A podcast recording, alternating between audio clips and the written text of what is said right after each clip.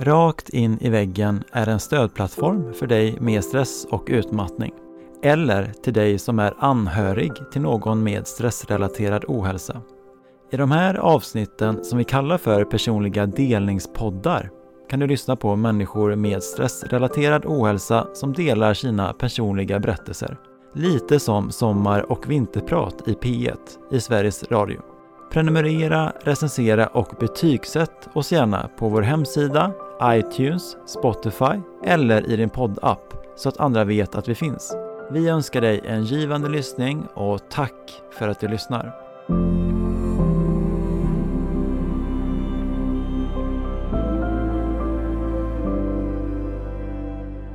Det är faktiskt så att jag har mött jättemånga som själva har gått in i väggen på grund av att de har tagit hand om andra. Det är så viktigt att veta att det faktiskt är så. Jag förstod inte att det var så. Det är jättemånga där ute som tar hand om en anhörig och eh, själv hamnar i, i eh, utmattning.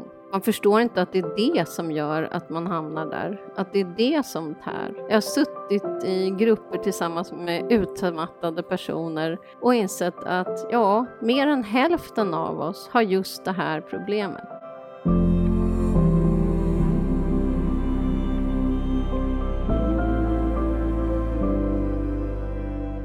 Jag sitter i skrubben. Det är vad vi kallar rummet där vi arbetar när vi inte har lektion. Här har vi fyra arbetsplatser och en av dem är min. Eh, skrubben är ungefär en och en halv meter gånger ja, sådär 6-7 meter lång. Det finns inga fönster utåt utan eh, vi har några fönster som går ut mot korridoren.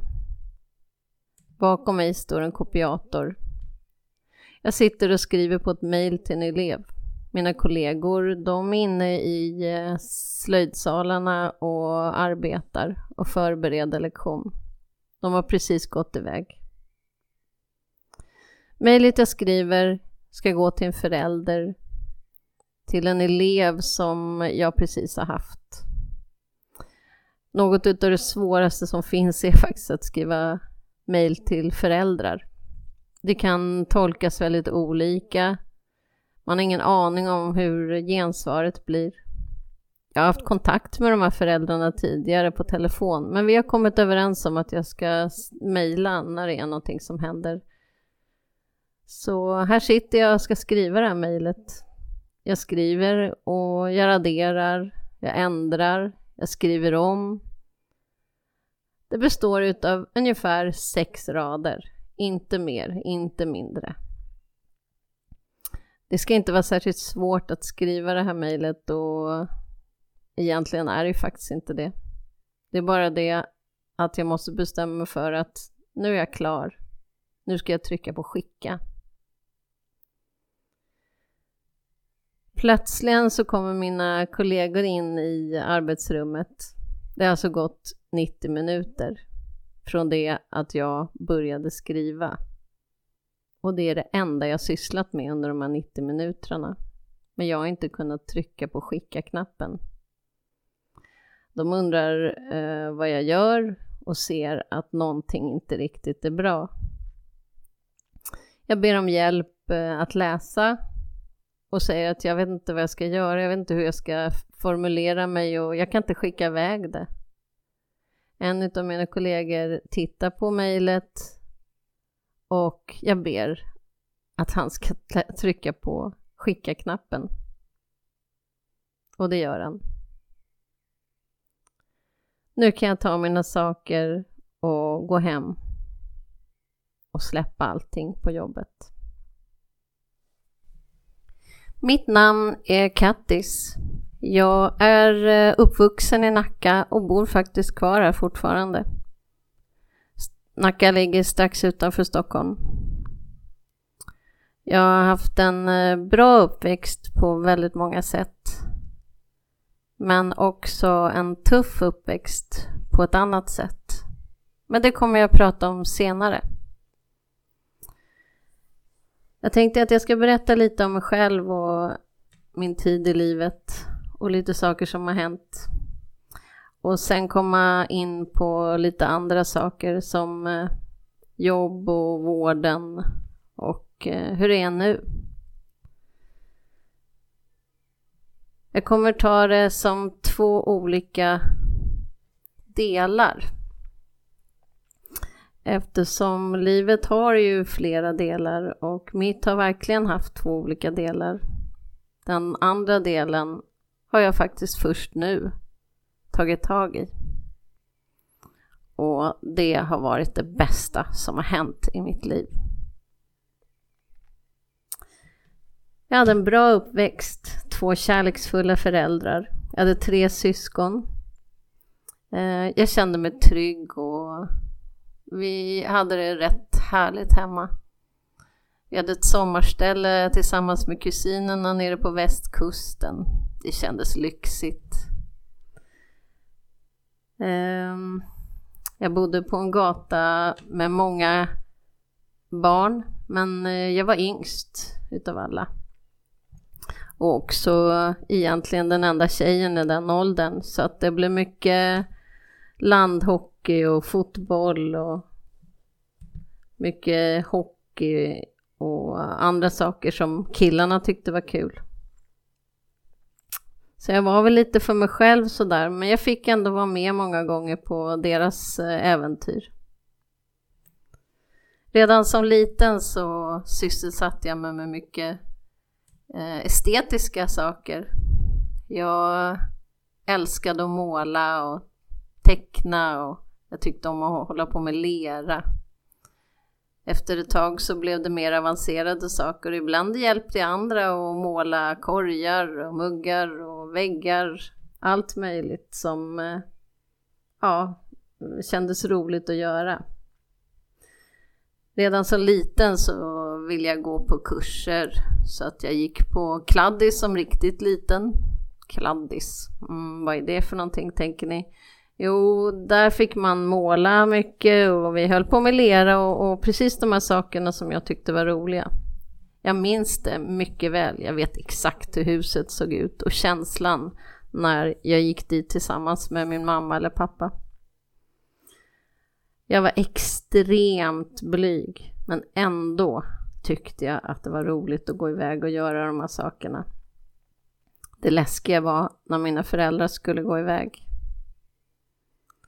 Jag fortsatte att måla och teckna och när skolan kom igång så såg jag fram emot alla saker jag skulle lära mig. Men det blev inte riktigt som jag hade hoppats.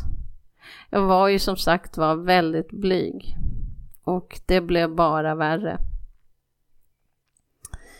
Det är inget fel i att vara blyg. Jag tror att det är sunt. Man ska inte bara rusa fram till någon och börja prata hur som helst. Men eh, min blyghet var lite mer än normal kanske.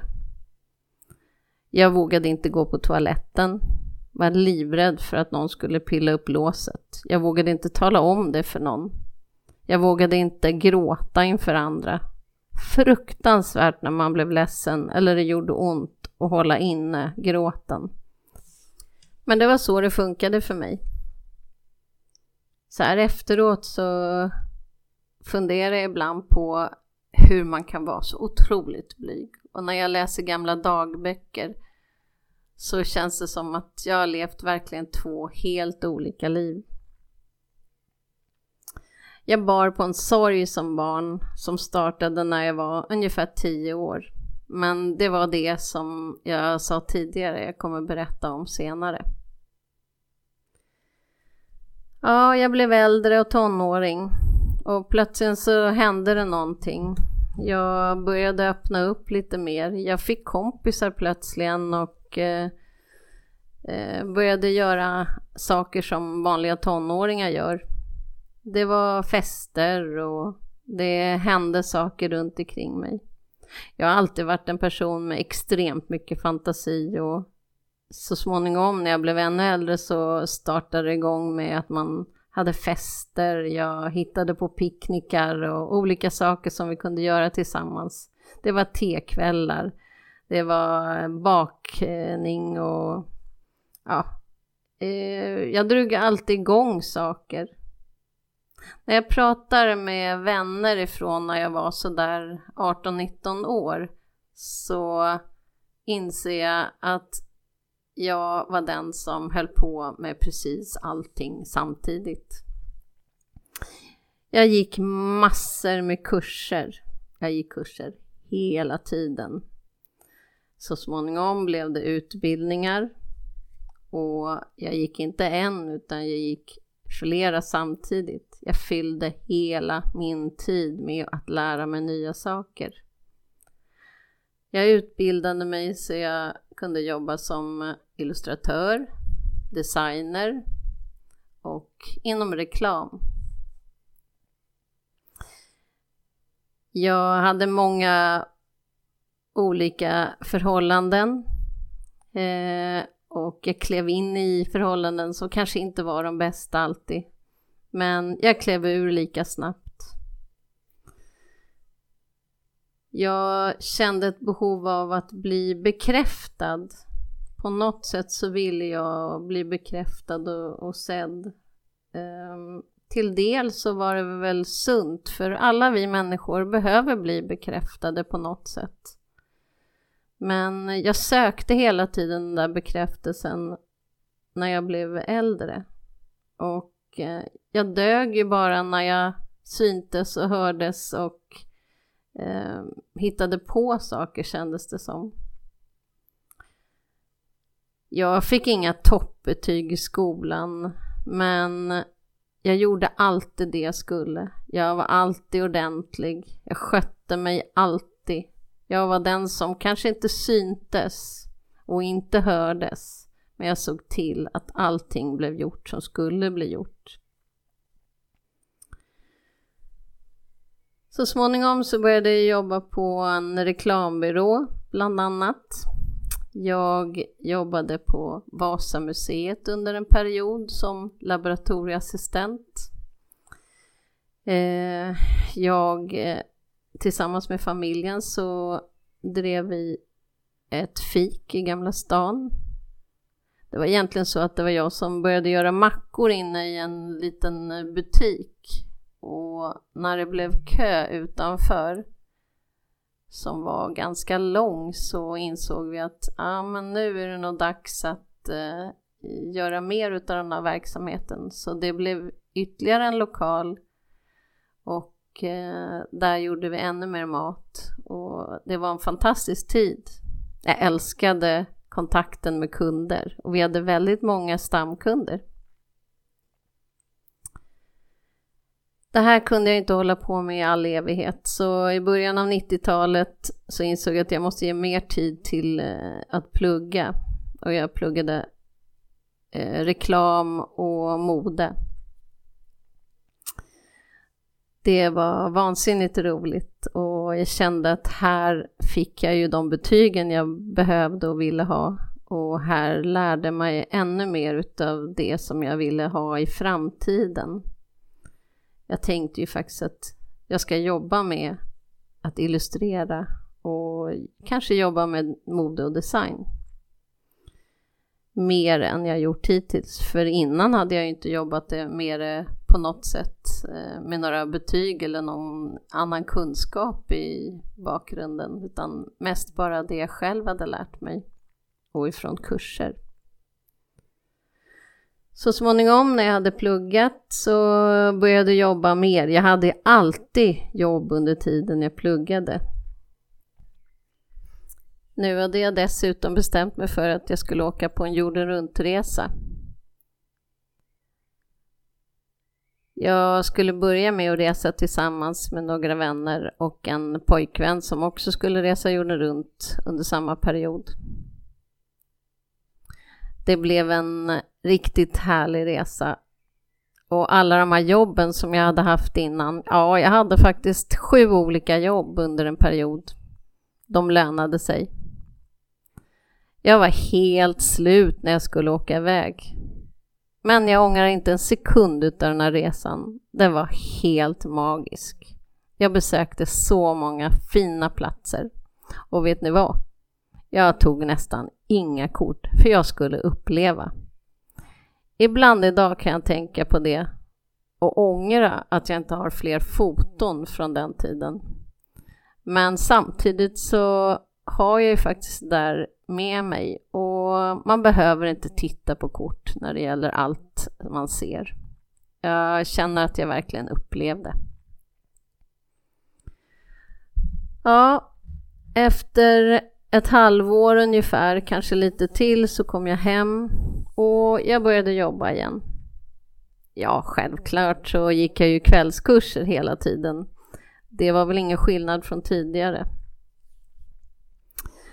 Jag var tillsammans med en fantastisk kille eh, och vi bodde faktiskt ihop under en tid men jag avslutade det förhållandet. Och tyvärr har det väl varit lite så med mig att jag har gått in i ett nytt direkt när jag redan har varit i ett där jag insett att jag kanske inte är kär eller ja, när jag avslutat något så kliver jag in i något nytt. Det hände även den här gången. Och den mannen som jag träffade nu har jag levt med i 19 år. Det var barnens pappa. Allting förändrades efter att jag träffade honom. Det blev en helt ny värld för mig. Jag var van vid att ah, man gör lite som man vill och det är inte så noga. Allt ordnar sig på något sätt. Men här var det struktur, det var ordning och reda. Ingenting gjordes eh, hur som helst och man hafsade inte ihop saker. Hemmet skulle se fint ut. Det som syntes utåt var extremt viktigt. Sen hur det såg ut in i skåp eller garderober eller det som inte syntes, ja, det var inte så noga. Allting var annorlunda ifrån hur jag har vuxit upp och hur jag har sett på saker. Men jag tänkte att ja, men så här är det väl när man blir vuxen på riktigt. Vi skaffade hus så småningom. Jag pysslade i trädgården. Allting såg väldigt fint och tjusigt ut. Men jag började må jättedåligt. Jag hade hamnat i ett psykiskt våldsamt förhållande. Det är svårt att förklara, men eh, om man lever i 19 år i ett förhållande där du inte själv får kontrollera någonting så blir du liksom mindre och mindre. Min ekonomi blev sämre och sämre. Min självkänsla försvann helt. Jag levde upp när vi fick barn. Och det var ingen självklarhet att få barn heller. Vi kunde helt enkelt inte få barn. Så vi tog hjälp. Och till slut, efter ett par år, så kom eh, vår son. Ah, den lyckan går inte att beskriva. Det finns inget finare än att få barn. Jag var så oerhört tacksam och så glad. Nu förändrades allt i mitt liv, tänkte jag. Han eh, blev min lycka och det jag levde för. Det fanns ingenting annat än han. Under den här perioden i början så dog min pappa. Det var overkligt och fruktansvärt jobbigt. Jag spenderade väldigt mycket tid hemma hos min mamma och det var en bra tid tillsammans, men tufft. Att förlora en förälder, det tar. Jag hade några år tidigare förlorat min bästa vän.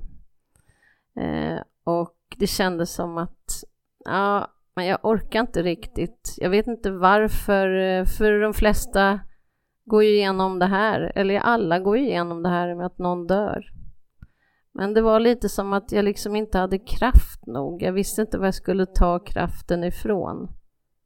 Och då fanns ju min son. Min son var verkligen min räddning. Jag var trött. Jag fanns inte riktigt. Och jag liksom började klappa ihop lite bit för bit.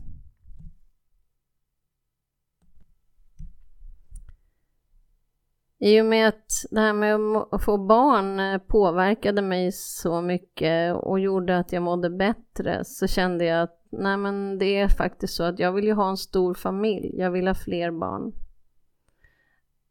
Eh, min man gick med på det och jag hade redan innan tänkt att det här med att adoptera, det känns väl bra och rättvist på något sätt. Och den som säger att man räddar ett barn när man adopterar, sluta genast upp med det. Det handlar inte om det. Det är ren egoism.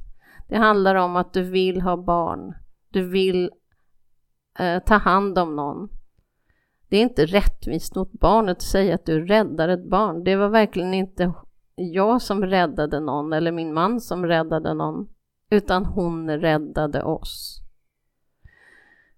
Det innebär att du får en helt ny syn på livet och du känner att ja, men det handlar inte bara om mig.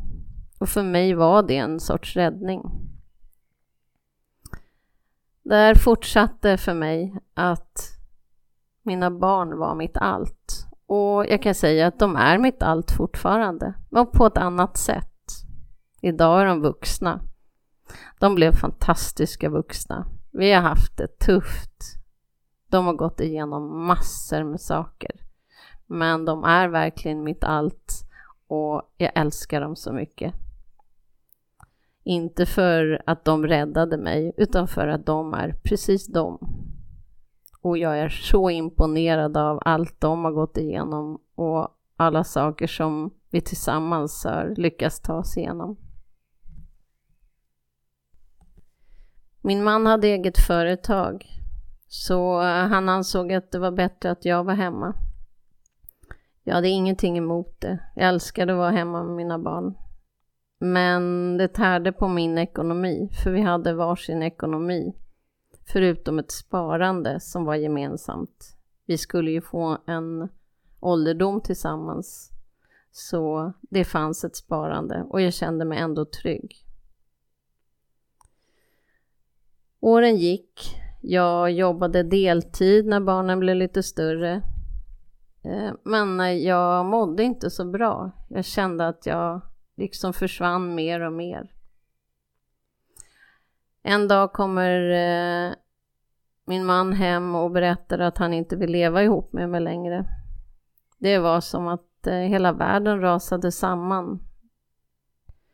Jag hade precis veckan innan skrivit på ett äktenskapsförord för att rädda mig och barnen ifrån en konkurs som man påstod eh, att hans firma höll på att gå igenom. Jag hade även satt över en massa pengar till honom från ett sommarhus som vi älskade högt, men vi var tvungna att sälja, sa han. För att det klarade inte vår ekonomi. Nu efteråt så vet jag att ingenting av det var sant. Men nu var det det som hände. Och jag klev in i ytterligare en dimension. Jag skulle nu klara av allting själv.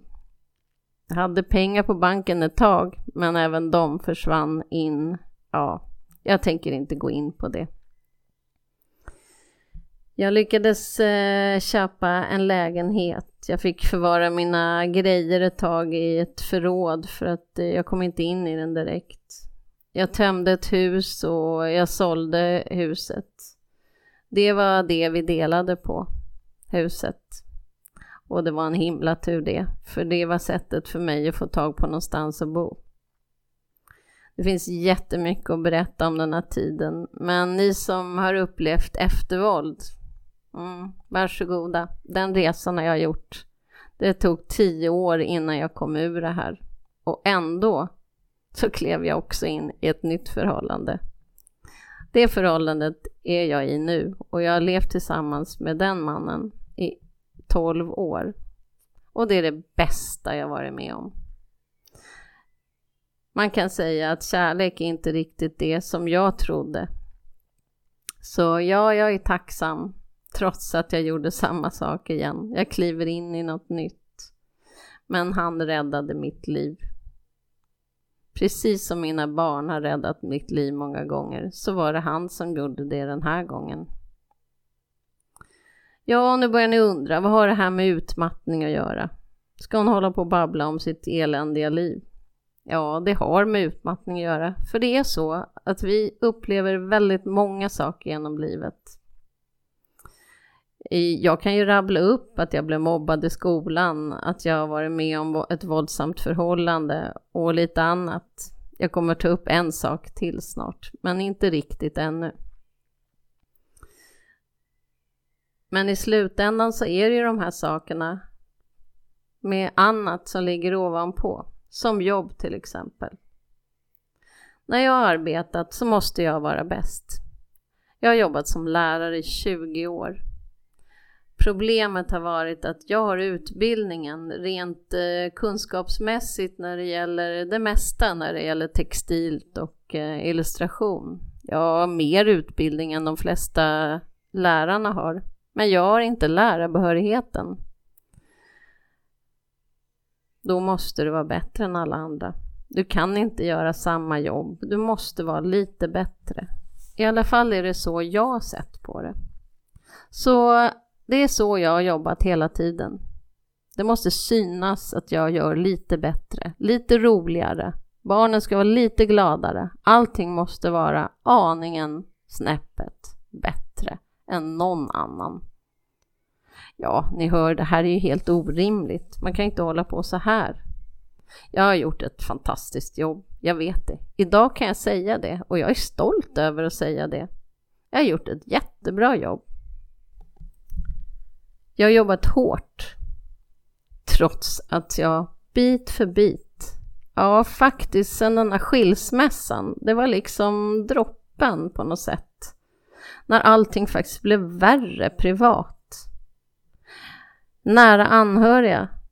Jag går inte in på vem och hur och varför, men att ta hand om nära anhöriga som också mår väldigt, väldigt dåligt. Hela hans värld rasar.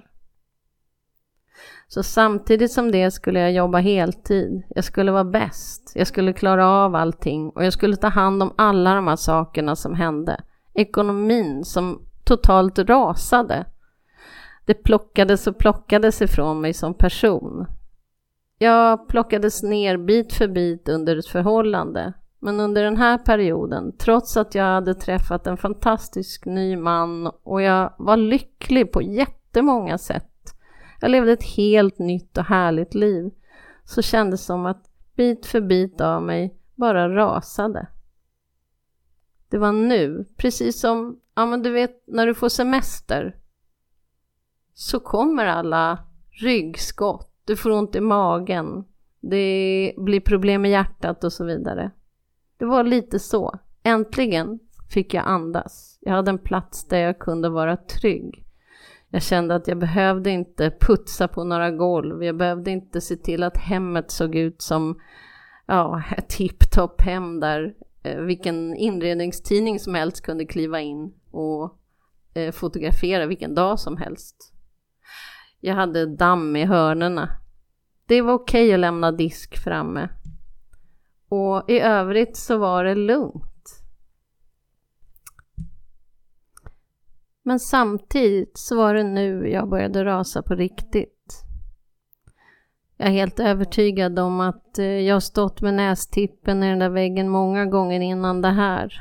Jag har gråtit mig till sömns och jag har haft eh, massor med situationer där jag har tänkt att vad är det för mening? Ska jag verkligen fortsätta med det här? Men eh, det är mina barn som hållit mig vid liv. Och meningsfulla saker är ju det som gör att man faktiskt håller sig vid liv. Att det finns positiva saker, att man kan se det. Jag förstår mycket väl att alla inte ser de här sakerna. Och jag förstår mycket väl att en del liv slocknar. Och jag är så ledsen för att det ska behöva vara så. Jag skulle vilja ta upp det där med när du har någon anhörig som mår dåligt. Att det är faktiskt så att jag har mött jättemånga som själva har gått in i väggen på grund av att de har tagit hand om andra det är så viktigt att veta att det faktiskt är så. Jag förstod inte att det var så. Det är jättemånga där ute som tar hand om en anhörig och eh, själv hamnar i, i eh, utmattning. Man förstår inte att det är det som gör att man hamnar där, att det är det som tär. Jag har suttit i grupper tillsammans med utmattade personer och insett att ja, mer än hälften av oss har just det här problemet. Sen är det ju så mycket annat som påverkar också. Det är lite därför jag vill beskriva mitt liv, att det är så många delar. Många kan tro att ja, men hon har jobbat så hårt och hon har gått in i väggen. Livet är en stor, lång ingrediens, eller ja, det är som ett recept av olika ingredienser som eh, blir en kaka och den här kakan, det beror ju lite på vad som har hänt. Det är inte så himla gott med vissa saker i kakor. Ja visst, du ska ha lite salt, men eh, har du för mycket så blir det genast eh, en väldigt dålig och illasmakande kaka. Det är samma sak med livet. Ja, eh, det här med att eh, jobba har ju varit både bra och dåligt. För mig var mitt jobb en eh, plats där jag fick eh, kände att jag var värd någonting. Eh, det var lite det när det började försvinna som eh, jag kände att om, om jag inte tycker att jobbet eh, är det som är min eh, avlastningszon, vilket det faktiskt var. Så ja, vad är det jag ska ta, hålla tag i då? Eh, det var där jag kände att jag kunde slappna av. Eh, där jag kunde känna mig liksom meningsfull och eh, känna att eh, jag betydde någonting. Men eh, när det brast när jag plötsligen fick en arbetslagsledare på min nya arbetsplats som definitivt inte förstod någonting om vad det här med utmattning var. Eh, var ganska elak faktiskt. Då kände jag att ja, men här har jag kommit till en fantastisk arbetsplats. Jag älskar eleverna, det är härliga lektioner. Eh, jag har ett arbetsrum som är större än de här kvadratmetrarna som jag hade innan. Eh, men allting kändes så himla bra. Men så har jag en person som drar ner mig på alla sätt hon kan. Det är jättetråkigt. Och jag pratade med min chef och sa det här att vi måste hjälpas åt. Och det kanske är bra att man förstår vad det här med utmattning är, att det kanske inte alltid syns. Och man kan inte säga att ja, men alla har mycket att göra alla vet vad det där innebär och ja, men alla måste ju ta sitt ansvar. Ja, alla måste ta sitt ansvar. Men vi måste också förstå vilka vi har omkring oss. Vi måste se varandra, vi måste lyssna på varandra. När eh, en sån sak eh, dyker upp på det arbete där man tror att ja, men nu har det lugnat ner sig, nu eh, sitter jag inte i det här lilla trånga rummet, nu är inte lektionerna precis efter varandra utan någon paus. Nu är jag inte mentor längre. För det var mycket sånt som gjorde att det liksom blev för mycket till slut. Men när jag kommer till en ny arbetsplats där jag blir bemött väldigt illa utav den som ska vara min arbetsledare. Nej, då kände jag att nej, men nu är det något som inte blir bra. Och första gången var ju den där gången när jag satt med det där mejlet jag kunde inte trycka iväg. Det är lite så det kändes att nej, men nu är det stopp här. Jag kan inte trycka iväg det här. Och det var liksom jag som inte kom iväg. Eh, vården, hur har vården varit? Ja, det är ju faktiskt så att det är inte jag och mitt huvud som har satt stopp, utan det är min kropp som har lagt av. Det är så jag upptäckt att det inte funkar. Och jag tror att det är så för väldigt många. Min kropp har inte orkat. Den har lagt av flera gånger. Hjärtat har inte velat. Det är huvudet som inte vill vara med. Jag glömmer saker. Jag kommer inte ihåg folks namn. Det är enkla saker som har bara försvunnit. Jag är extremt hjärntrött eller jag har eh, hjärndimma som sagt. Det är som att jag är lite onykter hela tiden och periodvis så är det där bättre. Men periodvis så blir det sämre och det fortsätter fortfarande. Jag har fått tala om för Eh, läkare, en, en specifik läkare speciellt då, att nej, jag är inte deprimerad. För jag har faktiskt inte varit deprimerad under någon period. Däremot extremt trött. Ja, ni får tro vad ni vill, men det är precis så det har varit. Extremt trött. Jag kliver in och jag säger, jag är trött. Jag är trött. Och hon har om och om och om igen varje gång startat med att säga att ja, men jag tycker du ska äta sådana antidepressiva. Ja, jag är inte livrädd för tabletter och jag förstår att man behöver ta det ibland för att stoppa den här onda cirkeln. Men jag har sagt nej och jag har rätt till att säga nej. Det är inte så att man måste äta antidepressiva eh, när man är utmattad. Jag vill inte ta antidepressiva för att jag känner att jag behöver vara klar i hjärnan och det är min syn på det.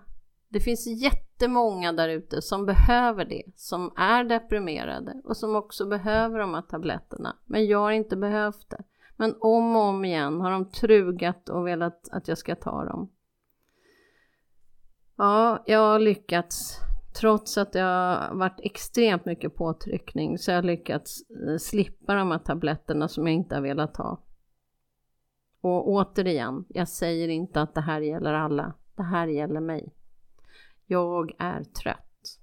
Jag har haft turen att få vara med i en forskningsgrupp där man både har forskat i depression och i dålig sömn.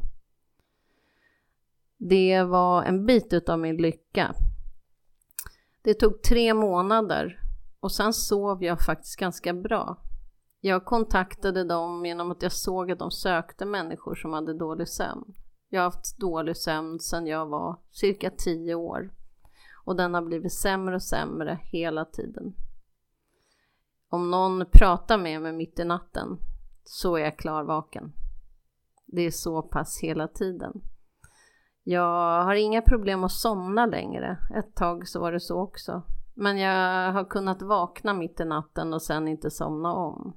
Och det är väl det som är det jobbigaste, att inte kunna somna om. Och sen tänker man på morgondagen. Oj, imorgon ska jag jobba, det här kommer bli jobbigt, jag kommer inte klara av dagen, jag kommer vara för trött. Det bara spinner i huvudet. Idag har jag fått redskap.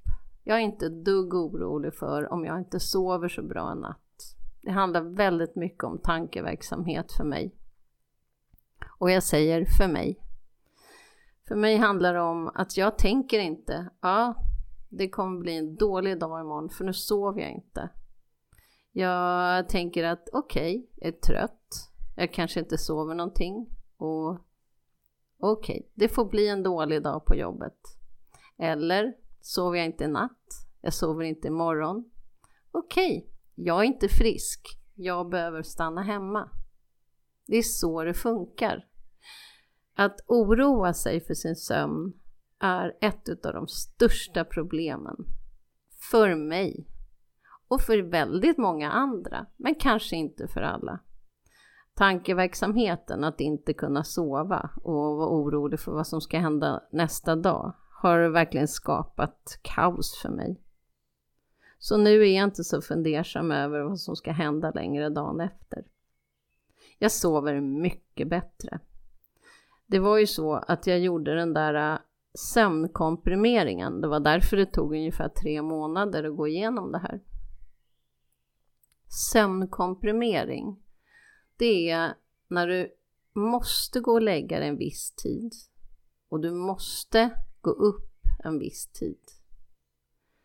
Du eh, har ett schema du följer och kan vara vansinnigt trött och vilja gå och lägga dig, men du får inte. Om du somnar och sen vaknar upp, då har du eh, saker du ska göra som står i det här schemat inte några starka ljus, inte hålla på med en massa saker. Allting i lugn och ro och inte tända massa lampor. Ja, jag tänker inte gå in på det här med sömnkomprimeringen som jag höll på med, men jag kan säga att det hjälpte mig och det förändrade verkligen eh, det här med min sömn. Tillsammans med att jag inte tänker som jag gjorde tidigare. Jag känner ett lugn. Den biten utav vården var fantastisk. Och jag har konstaterats att jag har insomni. Så att det här är något jag får leva med. Men jag sover mycket bättre och när jag inte sover så är jag inte längre orolig. Ja, ni har ju hört att jag har ju sysselsatt mig väldigt mycket. Både när jag var liten, när jag blev tonåring, när jag blev vuxen och det här har fortsatt hela mitt liv. Jag har alltid sett till att jag har varit sysselsatt. Det är lite grann det här att slippa tänka på andra saker. Och jag har väl inte riktigt själv gått in i varför jag har gjort så förrän nu när jag blivit vuxen. Och jag ska alldeles strax berätta vad skälet till det är.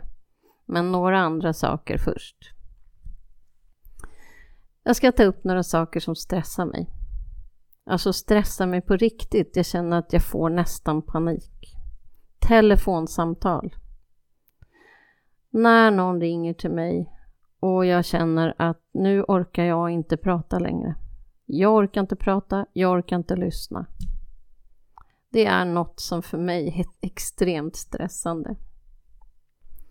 Det finns ju olika saker för olika personer, men för mig är det här lite grann det här samtalet som aldrig tar slut. Ja, sen är det det här med alla saker man ska göra.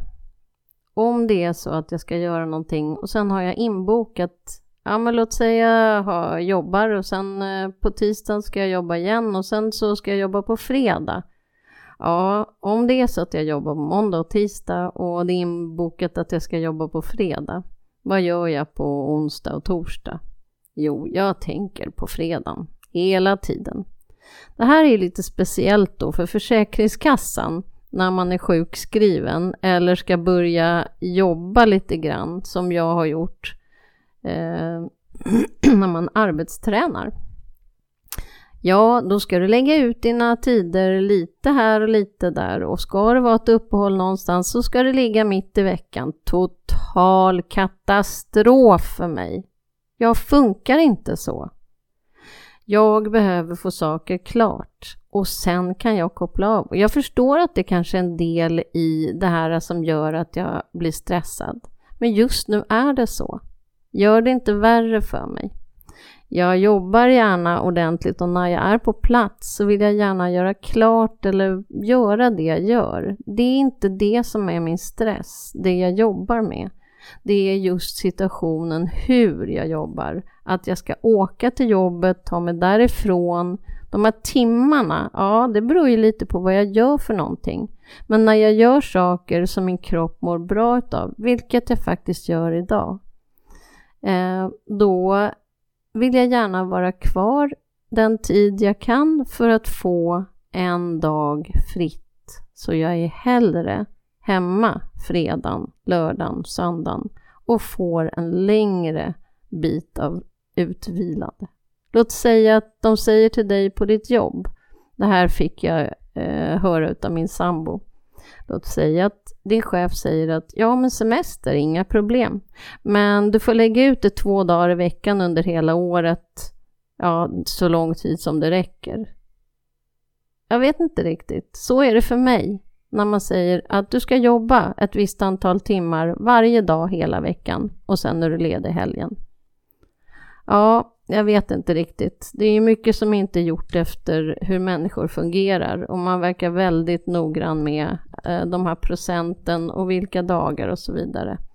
Jag är helt övertygad om att det finns fler som tänker som jag. Men vi är som sagt olika. Eh, min kropp, den gör inte riktigt det jag vill. Och det är ju så att jag är inte purung längre. Så att eh, den har ju varit med om en hel del saker. Jag har ju åkt in akut för hjärtat. Jag har åkt in akut igen. Jag tog bilen in. Ingen bra idé att köra bil själv, men jag kan allting mycket bättre än alla andra och jag måste klara av det själv. Eh, och sedan legat inne och så har man kommit hem med några små tabletter som ser ut som små hjärtan. Ja, ni som vet, ni vet. Så mitt hjärta har inte mått så bra. Motion. Ja, stress.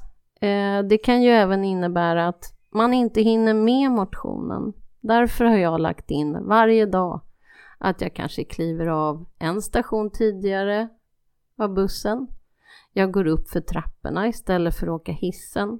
Vardagsmotion. Jag måste inte gå till gymmet. Det är faktiskt inte så att jag måste gå till gymmet. Jag kan röra på mig väldigt mycket ändå.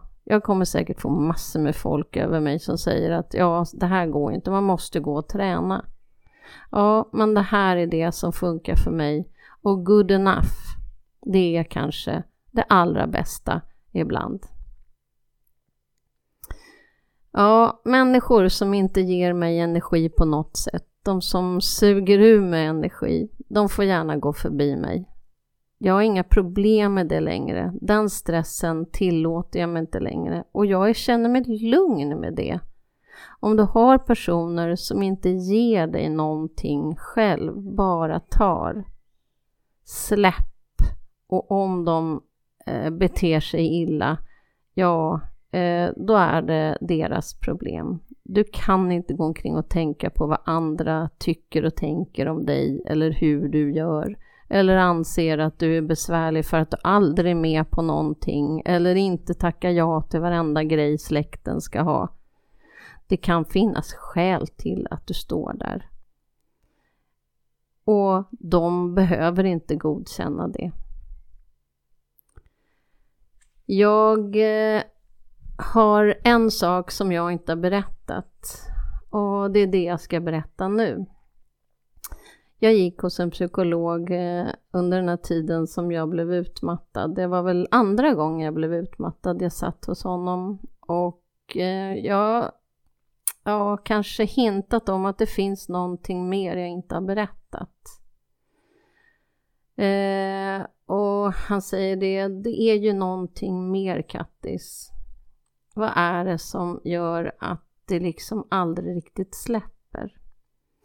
Ja, då berättade jag det som jag trodde att jag skulle dö med. Jag kan säga att det här är någonting som jag idag jobbar med och är oerhört tacksam att jag får jobba med. Eh, jag har haft min arbetsträning på den här platsen där man hjälper människor som har varit utsatta för sexuella övergrepp som barn. Ja, då kommer väl någon att säga, jaha, det handlade väl bara om det det här, det var väl ingen utmattning det här handlade om, utan det handlar om att allting grundar sig i det. Ja, det må vara så, men jag har blivit utmattad. Varför jag har eh, fyllt min tid med saker hela tiden? Ja, skälet till det är för att jag inte velat tänka. Och jag har varit jätteduktig på det extremt duktig. Jag har presterat och jag har visat världen att här är ingen som kliver över mig. Jag har varit stark så in i helsike. Ja, jag var stark, jag var blyg, jag har varit eh, introvert, eh, jag har haft alla möjliga sätt att skydda mig själv. Men jag har aldrig berättat om det här tidigare när man är en bit över 50 och berättar någonting som har varit det som faktiskt har präglat en stor del av ens liv så eh, händer det någonting i en. Jag kan säga att jag är fri sedan jag fick berätta det här och jag är så tacksam för psykologen som fick mig att göra det. Eh, jag har gått och pratat med andra människor som varit eh, utsatta också och Eh, jag har tagit hand om det här och eh, haft samtal under ett års tid. Eh, vilket har hjälpt mig oerhört mycket. Idag jobbar jag med det här. Kanske inte direkt med människor, för jag är inte riktigt där ännu. Men däremot med sociala medier och jag skriver mycket om situationer som människor är med om som har varit utsatta. Eh, och det här med bemötandet, typ hur bemöter du någon som har varit utsatt för övergrepp? Det är ju inte så att bara för att jag är över 50 så borde jag kunna bara lägga det här bakom mig, utan det här är ju något jag har burit ett helt liv. Jag behöver ta hand om det här, jag behöver ta hand om mig själv. Det här blev lite den sista grejen i min utmattning på något sätt. Ändå så är det så att jag känner att det här med utmattning, det är någonting som man lever med och tar hand om. Man måste ta hand om det som ett barn. Det är massor med saker som har satt stopp eh, när jag insåg att, att jag inte orkar längre. Ja, jag har dåligt minne och jag jobbar med det och det har blivit bättre. Sen kanske det Ändra sig. Det är lite som en berg och dalbana, det går upp och ner. Men det jag känner är det bästa idag för mig är att jag har kommit ifrån en massa saker. Jag har släppt saker. Och det allra sista jag berättar nu om de här övergreppen, um, det blev ju lite som, ja men här, nu har jag berättat om det svartaste i mitt liv, något som jag burit som barn. Och jag har också insett att jag är en förbaskat stark person. Jag är stark mot min vilja. Jag har inte velat vara stark, jag har bara varit det. Jag är extra exceptionell. Men när du möter någon som berättar, om du möter någon som berättar om att de har varit utsatta för någonting, oberoende vad, lyssna. Finns där. Håll inte på och försök att lösa en massa problem. Ifrågasätt inte. Bara acceptera och lyssna. Det är det vi behöver. Vi behöver bli förstådda och lyssnade på. Det är inte lätt. Det spelar ingen roll hur lång tid det har gått. Vilka övergrepp som än har skett i ditt liv. För det är ju så, vi är med om massor med saker. Jag känner mig som en fullständigt normal människa, men jag har gått och burit på det här i helt galet i så många år. Och jag är tacksam för mitt liv, jag är tacksam för där jag är och jag är tacksam för den jag är. Det är något jag inte har förstått tidigare. Jag har bara känt att jag aldrig har räckt till. Ja, det har blivit eh, många minuter och många minuter mer än jag själv hade tänkt. Eh, och min berättelse har ju handlat om ganska många saker. Jag kan säga att det inte ens hälften av allt som jag skulle kunna berätta och jag har säkert missat massor. Men vet ni, det är faktiskt good enough. Om det är någon som undrar någonting så får de gärna höra av sig till mig. Eh, jag fick ju hjälp av en organisation som heter NextMe. Eh, det, det är en organisation som jobbar med incest. Eh, och de har gjort väldigt mycket för mig och jag är oerhört tacksam för den eh, hjälp jag fått därifrån. Jag är också tacksam för den hjälp jag fått ifrån den här psykologen som faktiskt fick mig att släppa det som gjorde att jag gick omkring och spände mig hela tiden. Jag har gått tillsammans med andra utmattade och eh, fått hjälp och vi håller faktiskt ihop och träffas ibland och det har varit också något utav det bästa. Det är så roligt. Jag berättar för mina barn när jag ska iväg på det här och träffa dem och käka middag eller göra någonting ihop och så här, ja men det är alla vi trötta. Ja okej, okay, förstår. Så jag skulle vilja tacka dem. De har verkligen hjälpt mig enormt mycket. Och jag vet att vi hjälper ju varandra genom att prata om de här sakerna.